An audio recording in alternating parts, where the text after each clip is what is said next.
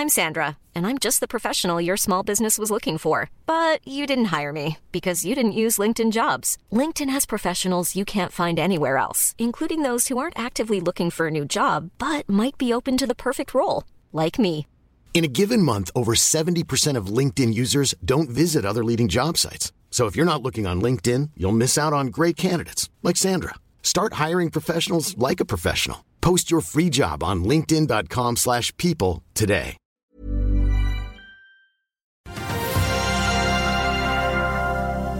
Oslo Børs er ventet opp til tross for at Wall Street falt i går.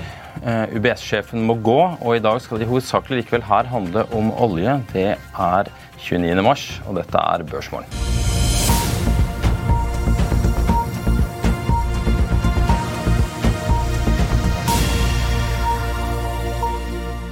En riktig god onsdag og velkommen til Børsmorgen her hos oss i Finansavisen. Jeg er Marius Mørk Larsen, og med meg har jeg som alltid Karl Johan Molnes. Det ligger an til en svak oppgang på Oslo Børs. Futures antyder at børsen skal opp 0,3% mens Nordnetts Roger Berntsen tror på 0,5 Gårsdagen ble relativt rolig om man ser på snittet, men for sjømataksjene og Schibsted var det absolutt ikke en rolig dag. Særlig sistnevnte fikk tyn i går, og både A- og B-aksjene i mediekonsernet var ned rundt 11 i går. Wall Street på sin side hadde en like ambivalent dag, hvor de fleste ledende indekser falt svakt i rødt i går.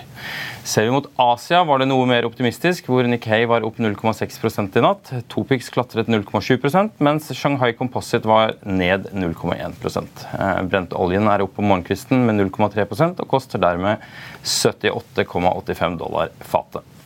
Av kjappe oppdateringer på morgenkvisten kan vi rapportere at DNO har startet nedstenging av oljefelter i Kurdistan etter at selskapet ble bedt om å stanse leveranser til rørledningsnettet mellom Irak og Tyrkia, en nyhet som sendte aksjen ned rundt 10 tidligere i uken. Det ble også et lite rally på Hang Seng i natt, etter at det ble kjent at netthandelsgiganten Alibaba skal deles opp i seks forskjellige enheter, som alle skal kunne gå på børs og skaffe ekstern finansiering. Det sendte aksjene opp rundt 6,8 eh, i førhandelen på Nasdaq. Og med det så er vi straks tilbake med Torbjørn Kjus, og i dag skal det handle om olje og energi. Da Vil du bli oppdatert på det viktigste som har skjedd innen finans og næringsliv? Da er det bare å følge med, for hver morgen er jeg, Marius Lorentzen og aksjekommentator Karl Johan Malnes på plass i studio for å ta tempen på dagens marked i Børsmorgen. Og hver ettermiddag oppsummerer vi alt du trenger å vite i økonominyhetene, og det blir selvfølgelig masse interessante gjester. Klikk deg inn på fa.no-tv, eller søk opp Børsmorgen og Økonominyhetene der du hører på podkast.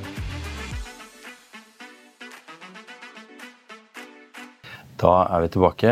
Og som jeg pleier å si, Karl Johan Molnes er vår lokale solkonge. Og i dag har vi fått med oss en oljeguru. Torbjørn Kjus, velkommen i studio. Tusen takk. Tusen takk. Jeg har nesten bare tenkt å lene meg tilbake i dag og la deg og Karl Johan ta ordet her. Men hva opptar deg om dagen? Nei, altså det er jo uh, I Aker så trekker jeg jo på en måte de globale eksterne markedene som påvirker oss. da. Og da er det jo det er jo fortsatt olje- og gassprisene som er viktigst for kalle verdien av Aker ASA og, og vårt system, siden eh, vi eier såpass stor andel av Aker BP. Så, så, det er oljeprisene som er viktigst. Men sånn sett så er det også vært utrolig interessant å se. ikke sant? Fjoråret var jo veldig svakt for, for globale aksjemarkedet f.eks. Og vi, vi forventa jo en, et ruskete 2022. Så, så um, vi har på en måte rigga for litt sånn uh, urolige tider, og, og, gjorde jo det før, uh, før 2022 starta. Så jeg følger jo med på, på måte, det totale bildet på hvor, hvor uh, risky assets i det siste også har fått seg en smell på bankkrisen. ikke sant? Så bankkrisen er jo kanskje det som har vært uh, mest opp agendaen de siste ukene. da. Men det påvirker også oljepris. ikke sant? Er det så ruskete som du så for deg at det skulle være? Eller er det... det er klart at uh, Man hadde ikke krigen i Ukraina på tapetet på høsten 2021. Uh, men at vi skulle få høyere inflasjon enn det markedet gikk rundt og trodde, det, det trodde jeg i hvert fall. Mm. Og da ville det by på problemer for, um, for vekstaksjer og verdsettelsen av det inn i 2022. Og det var jo det vi så. Hva var det du så som gjorde at du trodde at inflasjonen skulle bli høyere enn det alle andre på en måte trodde? da? Nei, jeg var veldig bekymra for, for, pengemengden, egentlig. Og det vi så eh, ble spytta ut av penger, helikopterpenger, og det ble litt sånn Donald Duck-historie der, syns jeg, i, mm. i, i 2021. Mm. Eller 2020 og 2021. Og hadde jo flere foredragsholdere inne hos oss, makroøkonomer, for å på en måte belyse det bildet der. da. Mm. Jeg syns jo det så skremmende ut i forhold til særlig pengemengde. Og så kom jo på en måte eh, ketsjup-effektene på, på, disse lockdownene og det at man i covid eh, ikke kunne kjøpe tjenester, men dermed kjøpte mer varer. Det også så vi jo allerede i 2021. Mm. Så Det lå jo an til at noe skulle skje her på inflasjon, syns jeg. altså. Mm. Men, um, og så kommer jo da selvfølgelig Må jo sentralbankene svare på det. og så får vi se hva de gjør videre i år. da. Nå har jo på en måte Rentemarkedet falt jo noe tilbake i forhold til at bankkrisen kicka inn, men de siste dagene så har jo rentene steget litt igjen. Så det ser jo ut som den frykten går litt over. Men Eh, det blir viktig å følge med på eh, de neste ukene hva som skjer med denne bankkrisen, fordi det påvirker også egentlig alt som er av risky assets. der Olje og oljefutures er jo en del av den pakka, men ikke gass. Mm. Gass er mye mer fysisk, da. Mm. Så, men eh, bankkrisen, hvordan påvirker den oljeprisen ditt?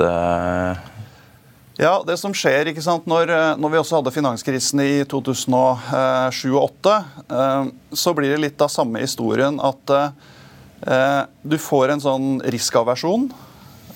Oljemarkedet er mye mindre enn en båndmarkedet og aksjemarkedet globalt. Men det er en del hedgefond som gikk da inn i denne situasjonen med lange posisjoner. Vi så at det var veldig skjevt fordelt. Vi måtte tilbake til 2019 Eh, for å se at eh, lange posisjoner var så mye større eh, i favør av short-posisjoner i oljemarkedet før 8.3, altså før bankkrisen slo inn nå. Hva skjer da? Jo, En del av disse hedgefondene er jo også eksponert for De sitter jo ikke bare med olje på bøkene sine, de sitter med alt mulig rart. Blant annet sitter de med kredittposisjoner. De faller. De må ut og selge andre assets også bl.a. olje. Og hvis du da skal square bøkene og på en måte gå i null, og du går inn i situasjonen eh, eh, veldig langt posisjonert, da, så betyr det netto salg. Mm. Og det er det vi så eh, de siste ukene. Vi falt ned mot 70 dollar fatet i den verste sell-offen. Dette kan vi overvåke med CFTC-data som kommer en gang i uka. Eh, så, der kan du på en måte splitte opp og, kappe opp de dataene mange på mange forskjellige vis. da. Eh, og Det er lett å si at det har vært et, eh, et stort eh, nettosalg. Det har vært mer salg av lange posisjoner enn at det har vært at man har lagt på nye short-posisjoner. Så, så, den, den forklaringa om at det har vært en, et nedsalg av lange posisjoner, er nok den som står seg best i å forklare den brå prisnedgangen fra Vi lå jo tre måneder mellom sånn, 80 til 85 dollar fatet, og så plutselig dunka vi ned mot 70 da på det verste. Mm. Skal den videre ned derfra, eller skal den oppover igjen? Ja, altså, det, det, der med, det, det er litt sånn der, Man skal ikke prøve å ta i en fallende kniv, vanligvis, men, men, rent fundamentalt da, så er det veldig god support i oljemarkedet. Men det betyr ikke at du ikke du kan gå vekk fra de fundamentale forholdene i flere måneder egentlig, før kjøttvekta slår inn. da. Mm. Eh, men eh, hvis du ser på eh, total support, så vil jeg si det er to veldig viktige ting. Eh, det ene er jo at Saudi-Arabia mest sannsynlig ikke er fornøyd med oljepriser ned på 60-tallet. Eh, men de vil ikke komme inn og kutte med en gang prisen svinger opp og ned liksom uke for uke.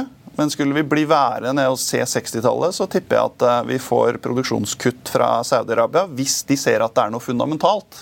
Mm. Hvis de ser at etterspørselen faktisk blir svekka, som vi jo ikke har sett enda, Eh, men hvis det blir en resesjon som svekker oljeetterspørsel, så, så, vil nok Saudi kutte. Og de produserer jo eh, Og hele OPEC produserte jo mye olje i fjor. Eh, så det er lett å kutte tilbake, for, for særlig for Saudi. da. Mm. For å beskytte nedsiden. Og de trenger jo en pris på rundt 80-85 dollar fatet for å balansere budsjettplanene sine. Så Det er den ene viktige nedsidestøtten. Men som sagt, den slår ikke inn sånn fra uke til uke. selvsagt. Eh, det andre utrolig viktige støttepunktet for olje er jo at eh, vi har eh, sett WTI-prisen, altså amerikansk referanseoljepris, falle ned på 60-tallet. Mm. Akkurat bikka over 70 igjen nå nylig, da, på det siste ukes rally.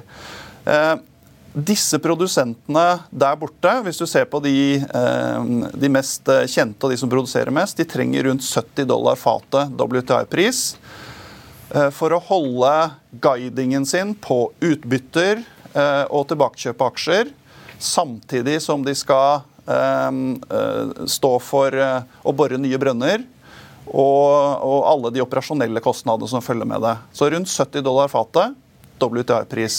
Hvis du får mindre enn det, så må de enten kutte Capex eller, og Capex i den industrien der er jo litt sånn annerledes enn det vi tenker på som, som Capex i, i offshoreindustri. For det er jo egentlig bare Opex alt sammen. I og med at du bruker penger i år, og så får du produksjon i år. Så det er jo ikke en sånn langsiktig eh, sirkel, dette her. Så det betyr at de har også gått inn i 2022 veldig uhedga. Eh, så eh, det, som, eh, det som da gir nedsidestøtte der også, er at hvis prisen faller, så har de ikke på prissikring. De, har ikke, de er veldig lavt nivå på prissikringen inn i 2023. Så Det betyr at de må faktisk velge mest sannsynlig mellom å kutte Capex og um, kutte dividende. Og Hvis de kutter dividende, så faller jo uh, kursene. Så det blir jo spennende å se, hvis vi skulle falle lavere nå oljeprismessig, da, hva de aktørene vil velge å gjøre.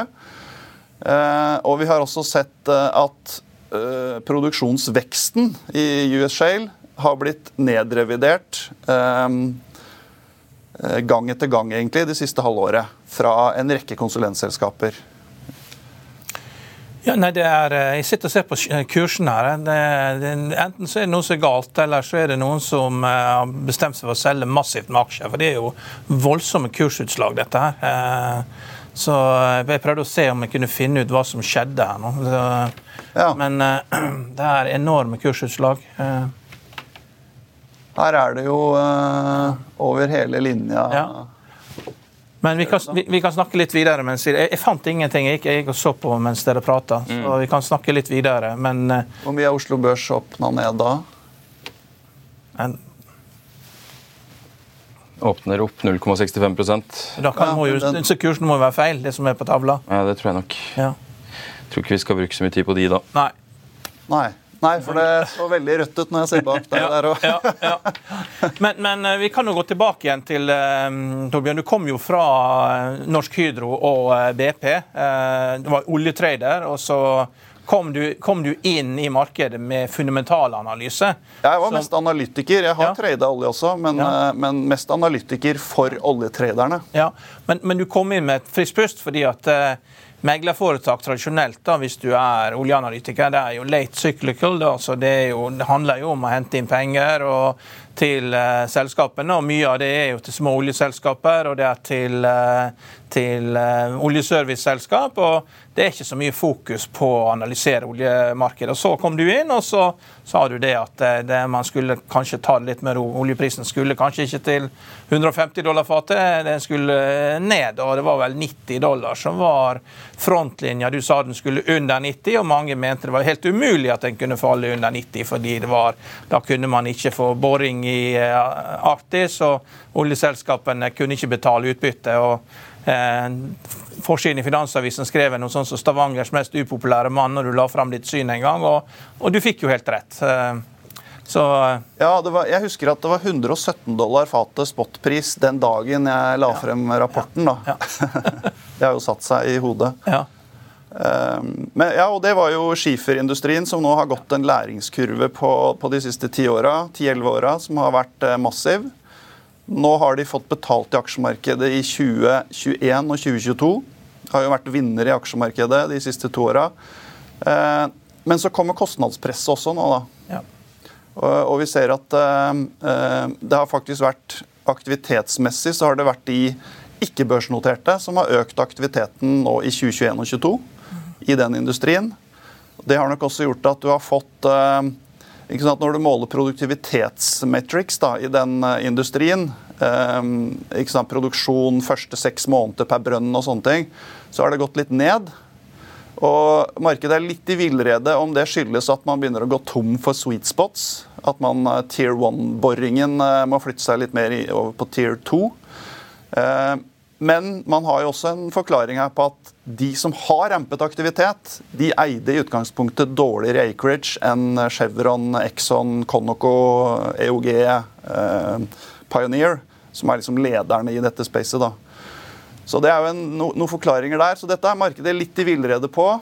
Eh, men, uh, men, det er tidlige tegn her på, på at eh, man Og en god del operatører rapporterer om at sweet spots er litt, litt, dårligere performance. da. Så det blir veldig interessant å følge med på. Men hovedsakelig så er dette en historie om at aktiviteten ikke har kommet opp på det nivået som man før 2022 starta, trodde det skulle gjøre. Ikke sant? For prisene i 2022 har jo vært superhøye og gode. Og når du har break-evens I snitt så lå vi på rundt 40 dollar fatet i Permian. ikke sant? Nå nærmer vi oss kanskje mer 50 dollar fatet da, for bare brønnhode-break-evens. da. Um, og da skulle man tro at uh, ramp-upen skulle vært mye større, men så har du hatt den disiplinen. For aksjonærene i de børsnoterte selskapene der borte har ikke ønsket uh, at vi skal gjenta historien fra de tidligere syklene der du knuser markedet ved å bare gå for vekst. da. Mm. Og, det, og, Dermed så er de børsnoterte selskapene holdt igjen. Uh, og det, det, er jo veldig uh, bra for oljemarkedet. Men samtidig så har jo da fått disse bottlenecks på, på kostnadssiden. Lønningene stiger jo kraftig eh, i hele vestlig verden. Eh, og det har vært en del ikke sant, Bare få tak i tubular steel eksempel, til casing, sånne, sånne ting som du må ha. Eh, du har måttet vente liksom ti ganger så lenge på å få det levert, og prisene har steget på det. Så det har, vært, eh, det har vært bottlenecks i den industrien, og vi har hatt rundt 30% kostnadsvekst fra pre-covid. da. Det støtter jo langenden av oljeprismarkedet. Så hvis du sammenligner en forward-kurve eh, før covid eh, med en, en forward-kurve nå, så vil du se at langenden er rundt 10 dollar per fat høyere eh, enn den var da. Eh, og Det er nok mye pga. at kostnadene har økt i særlig shale, for det er der det har økt mest. da. Vi har også økt i offshore, og vi har økt i det du kaller, eh, kaller det other onshore, altså type Russland, Saudi-Arabia. Det er jo den største bolken av oljemarkedsproduksjon. Så der er vi opp kanskje en 10-12% Offshore er vel opp rundt 14% tror jeg, fra, gjennom de siste to, to årene nå. Det, det, er jo kjent at USA har enorme kullreserver. Altså kullreserver for 500 år, og det har Australia og Kina også. Men hvor store er shaleoil-reservene? Dette Permian-feltet er jo like stort som Sør-Norge. så hvor, eh, hvor, lenge kan de holde på å bore i den takten her? I 500 år, eller, det, eller hvor lang tid tror du det tar?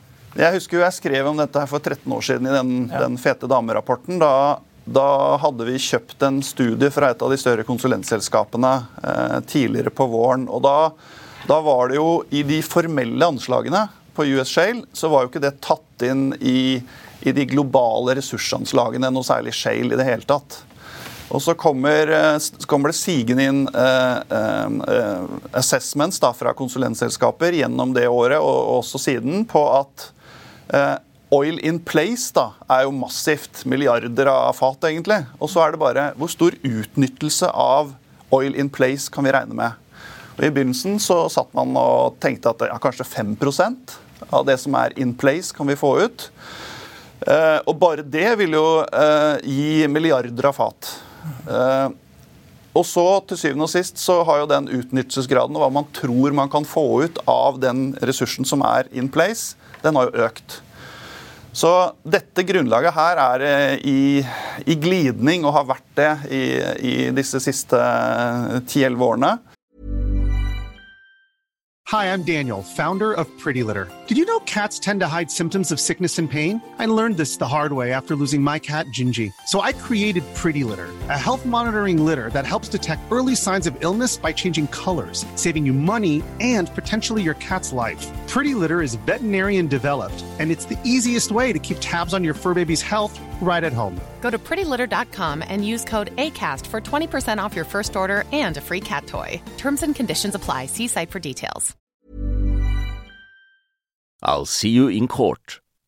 Vi sier det ofte litt på spøk, men for deg som driver business, er det aldri moro å innse at du ikke har laget en 100% gyldig kontrakt. Du bør ikke risikere hele firmaet ditt fordi du synes dette med kontrakter er litt stress. En avtale er ikke en avtale. Du kan miste kunder, miste venner, ja, til og med miste inntekter om du ikke lager en skikkelig kontrakt, på alt mulig, egentlig. Men vi vet det er et styr. Kopimaskiner, treg printer og haugevis av papir. Dessuten stoler vi jo på folk her i landet. Det er ofte litt kleint å skulle be om en signatur for alt mulig, ja, for mye av styret handler også om jakten på underskriften. Det finnes en enkel måte å løse dette på, Dukkobit, en trygg, effektiv og get this, gratis måte å sikre seg en god natts søvn pluss en juridisk bindende avtale. Dukkobit-appen har de strengeste sikkerhetskrav i bunn, samt en EU-godkjent og sertifisert teknologi. Framover vil det bli behagelig å spørre du, skal vi skrive under på det, eller? Kom i gang på dukkobit.no. Men bottom line er at det er enormt ressursgrunnlag. Men problemet for oljemarkedet er jo at vi har fått 8 millioner fat shale nå på disse ca. ti årene. Uten de 8 millioner fatene, hva hadde da skjedd med det globale oljemarkedet? Så Uten denne revolusjonen så måtte vi hatt demand destruction-prising på olje i de siste ti årene. Gud vet hvor høyt eh, prisen måtte vært da. Men ressursgrunnlaget er garantert på plass der for, eh, for et tiår til. Det, det, virker sånn. Det er bare at det, det blir litt dyrere å produsere. Og det kan oppstå bottlenecks som vi ser akkurat nå. Og så er det avhengig av hva markedet vil. da.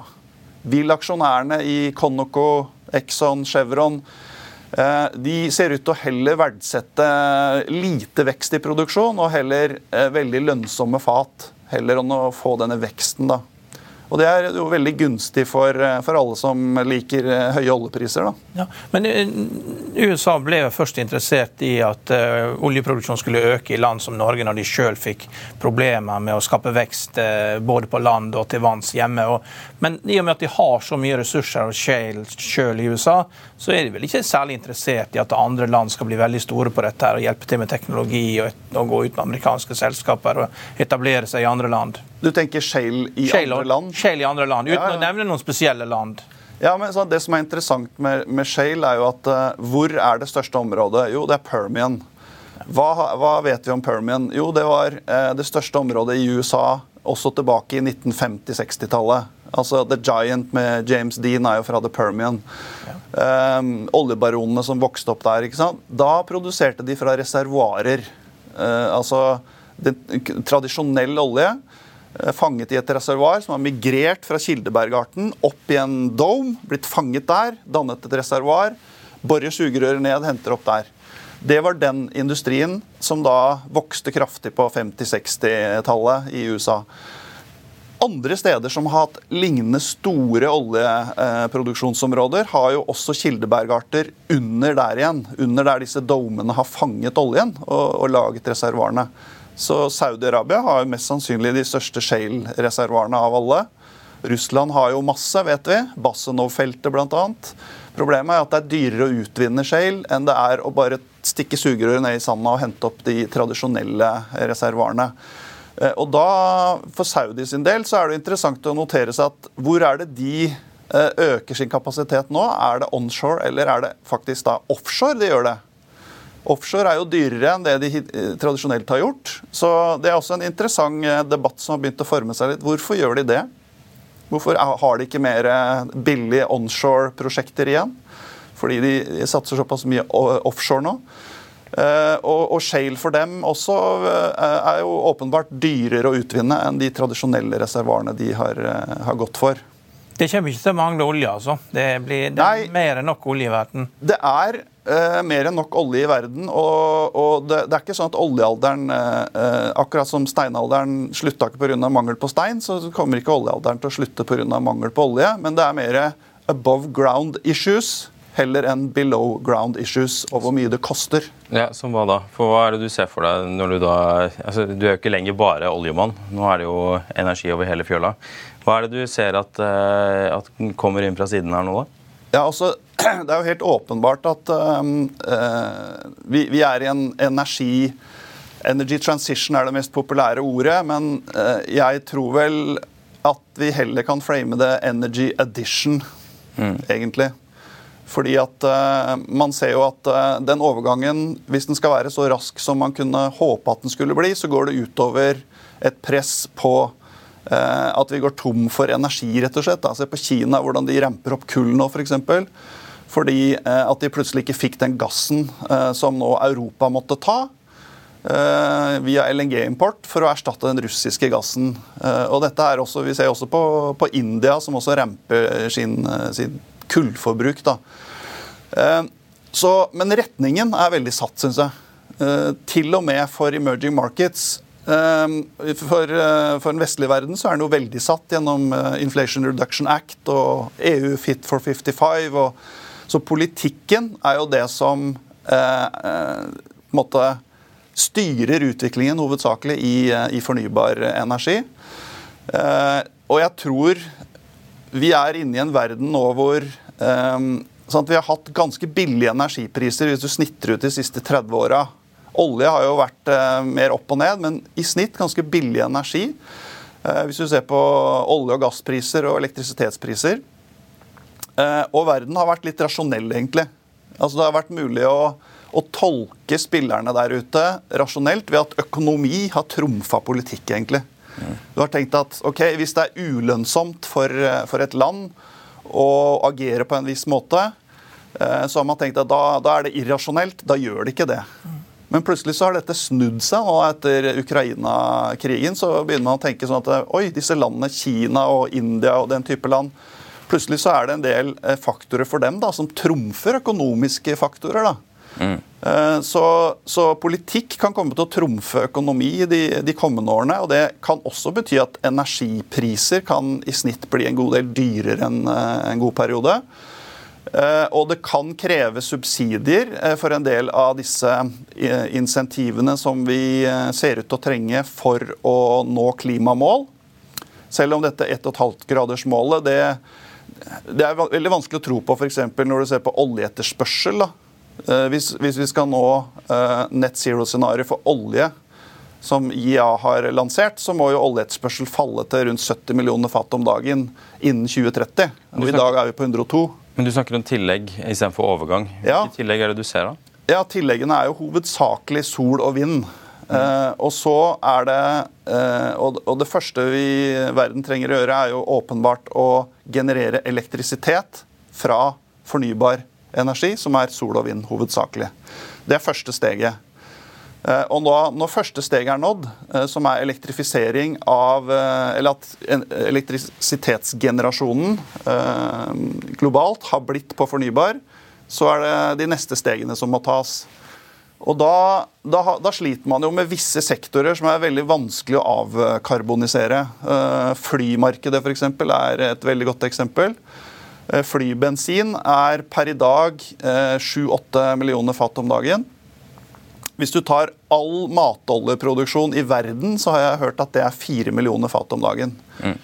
Eh, så biofuel er veldig vanskelig å skalere inn for å ta på en måte et, eh, et eh, jetfuel-marked. Du tror ikke på elektriske passasjerfly? Elektriske kort, korte flygninger, jo. Men det er jo ikke der fuel-etterspørselen ligger. da. Det er ja. på long haul det ligger. Så akkurat det kommer ikke til å stjele så veldig mye oljeetterspørsel, de elektriske flyene. Eh, det blir, det blir småfly, det blir korte, korte flights. Så long haul må da gå på hydrogen eller biofuel eller e-fuels eller annen type, den type fuels. Det ser veldig vanskelig skalerbart ut per nå. Så Hva med hydrogen, da? Jo, hydrogen er, eh, er, eh, kommer til å bli Eh, stort, nesten bankers at det blir stort. Men jeg tror det blir stort i de sektorene som allerede fins, og og som trenger hydrogen i dag. Og Den skal bli grønn hydrogen istedenfor grå. For i dag så kommer jo landbrukssektoren lager jo ammoniakk som går inn til gjødsel ikke sant? fra grå hydrogen hovedsakelig. Fra naturgassbasert. Og så har vi raffinerier som trenger hydrogen til avsvovling. Det er svære markeder i dag. ikke sant? Eh, den, eh, det kommer til å bli mye grønn hydrogen inn der. Men jeg har mye mindre tro på at hydrogen skal måte komme inn i en eh, transportsektor og kraftgenerering eksempelvis, fordi det er så store tap i de verdikjedene. Altså ingen hydrogenbusser eller hydrogenbiler eller Det kommer til å komme det òg, men det kommer jo til å være eh, dyrere fuel, da. I og med at du først, hvis du har elektroner først, og så skal du først over til hydrogen, så skal du tilbake til elektroner eh, for å, eh, for å generere kraft f.eks. av hydrogenet et eller annet annet sted i verden enn der du produserte det, så har du liksom tap på eh, mellom 70-80% kanskje av det du hadde av elektroner i, i startpunktet. da. Så den delen er mye vanskeligere å se for seg at det kommer raskt i så fall. Og den vil kreve mest sannsynlig en god del eh, subsidier fra, fra statsnivå. Hvis du skal gå den veien. Eh, men at det kommer masse hydrogenproduksjon, det er nesten bankers i form av at vi skal erstatte det hydrogenmarkedet som allerede ligger der i dag, og som er grått, som skal bli grønt. Det tror, jeg, det tror jeg veldig sterkt på. og Jeg ser også at reguleringene går i den favør. IRA i USA f.eks. Der eh, blir det veldig lønnsomt å, å, å, generere hydrogen for en del av de selskapene som er satt opp for det. Og så er jo Husk at hydrogenverdikjedene da, de ligner jo ganske mye på naturgassverdikjedene. Eh, sånn at alle de store aktørene som allerede er i naturgass, vil ha store insentiver til at dette skal eh, gå over til hydrogen. da ha hydrogenklare eh, rørledninger. Ha hydrogenklare rørledninger, ja. Nettopp. Ja. Så kan man bruke naturgass igjennom. Men, men uh, vi må snakke litt om Kina. Der er en rebound på gang. og Vi har jo sett det at uh, Kina var sikkert ikke så veldig lei seg for å gi fra seg den naturgassen, for da kunne jo de uh, øke kull. og Vi så jo det at det, kom jo en ny toglinje som var 800 km fra innlandet til kysten. og Det er jo like langt som fra Saltfjellet ned til Sørlandet omtrent. Eh, og den skal kun gå med kull. Og, og hvor, mye, hvor, mye, mer tror du de kommer til å fortsette å satse på kull? Og vi, vi har jo legitimert det nå ved å ta fra dem den naturgassen. Ja, altså Kina har i 2022 um, godkjent 104 eh, gigawatt med ny kull, uh, uh, kraftgenerering på kull. Ja. Eh, for å sette det tallet i perspektiv, da. Og de har jo da eh, De har par og 50 utnyttelse av eksisterende kullkraftkapasitet i Kina. Hvis du ser på sol, så ligger det på 10% altså per installert gigawatt. Ser du på vind, så ligger det på sånn mellom 20 til 30% av installert kapasitet. Sånn at du får veldig mye kraft igjen på, på kull.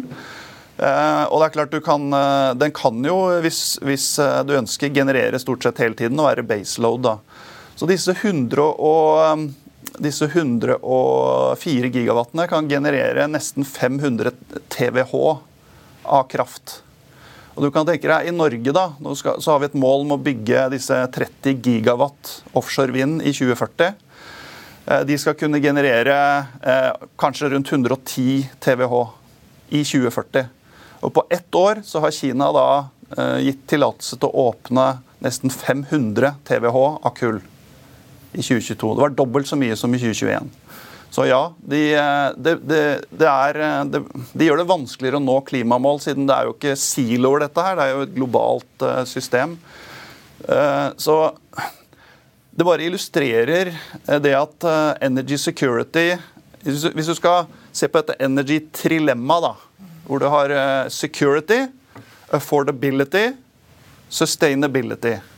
Så hadde vi jo egentlig Etter Parisavtalen så har vi hatt en periode hvor sustainability har trumfa.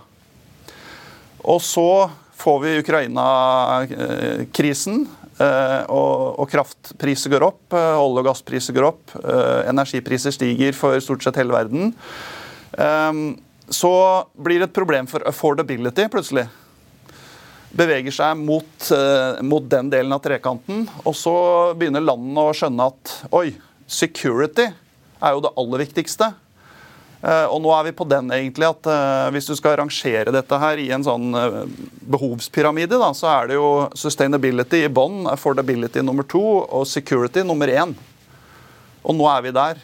at security er nummer én. Og da, da betyr jo det at disse statene som, som trenger energi, ja, de, de ofrer jo da underveis hvert fall klimamål, da.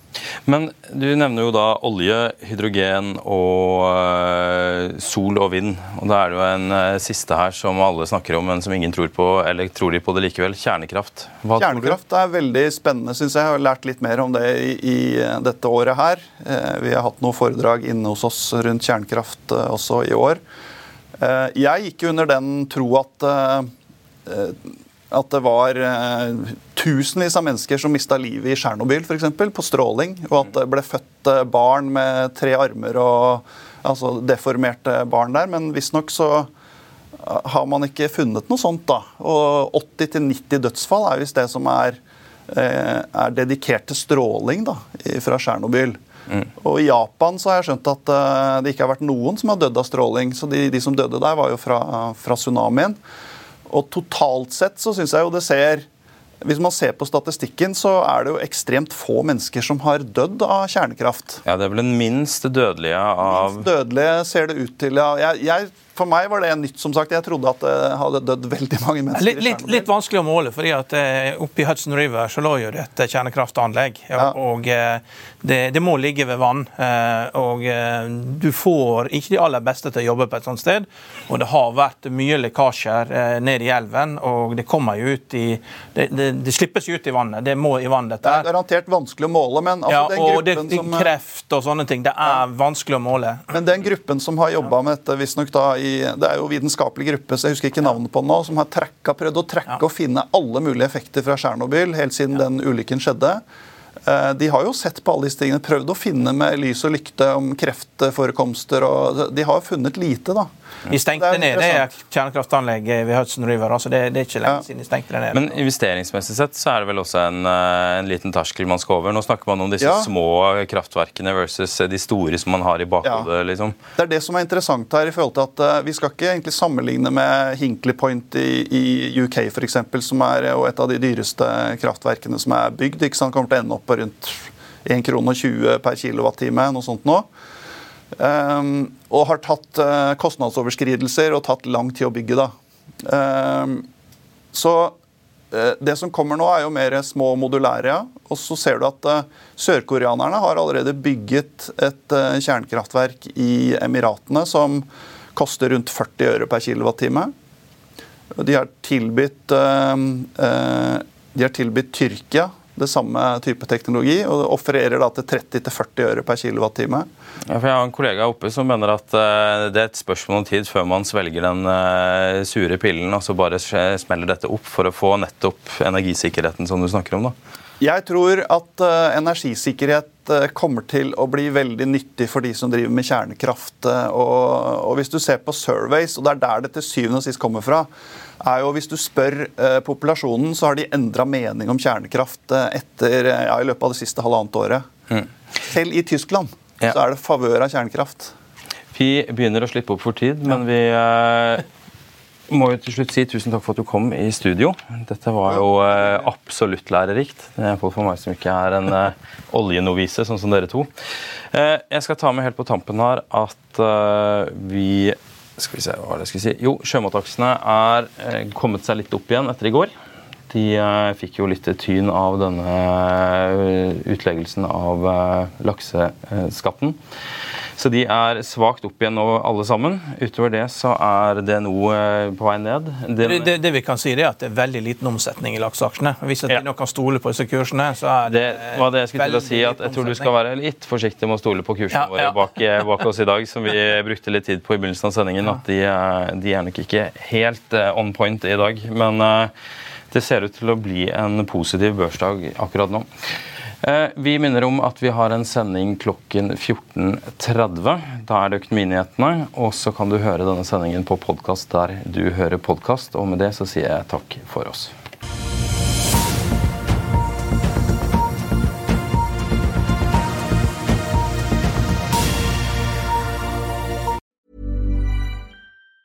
Planning for your next trip? Elevate your travel style with Quince. Quince has all the jet setting essentials you'll want for your next getaway, like European linen, premium luggage options, buttery soft Italian leather bags, and so much more. And it's all priced at 50 to 80% less than similar brands. Plus, Quince only works with factories that use safe and ethical manufacturing practices. Pack your bags with high-quality essentials you'll be wearing for vacations to come with Quince. Go to quince.com slash trip for free shipping and 365-day returns. Økonominyhetene er en podkast fra Finansavisen. Programledere er Marius Lorentzen, Stein Ove Haugen og Benedikte Storm Bamvik. Produsenter er Lars Brenden Skram og Bashar Johar. Og ansvarlig redaktør er Trygve Hegnar.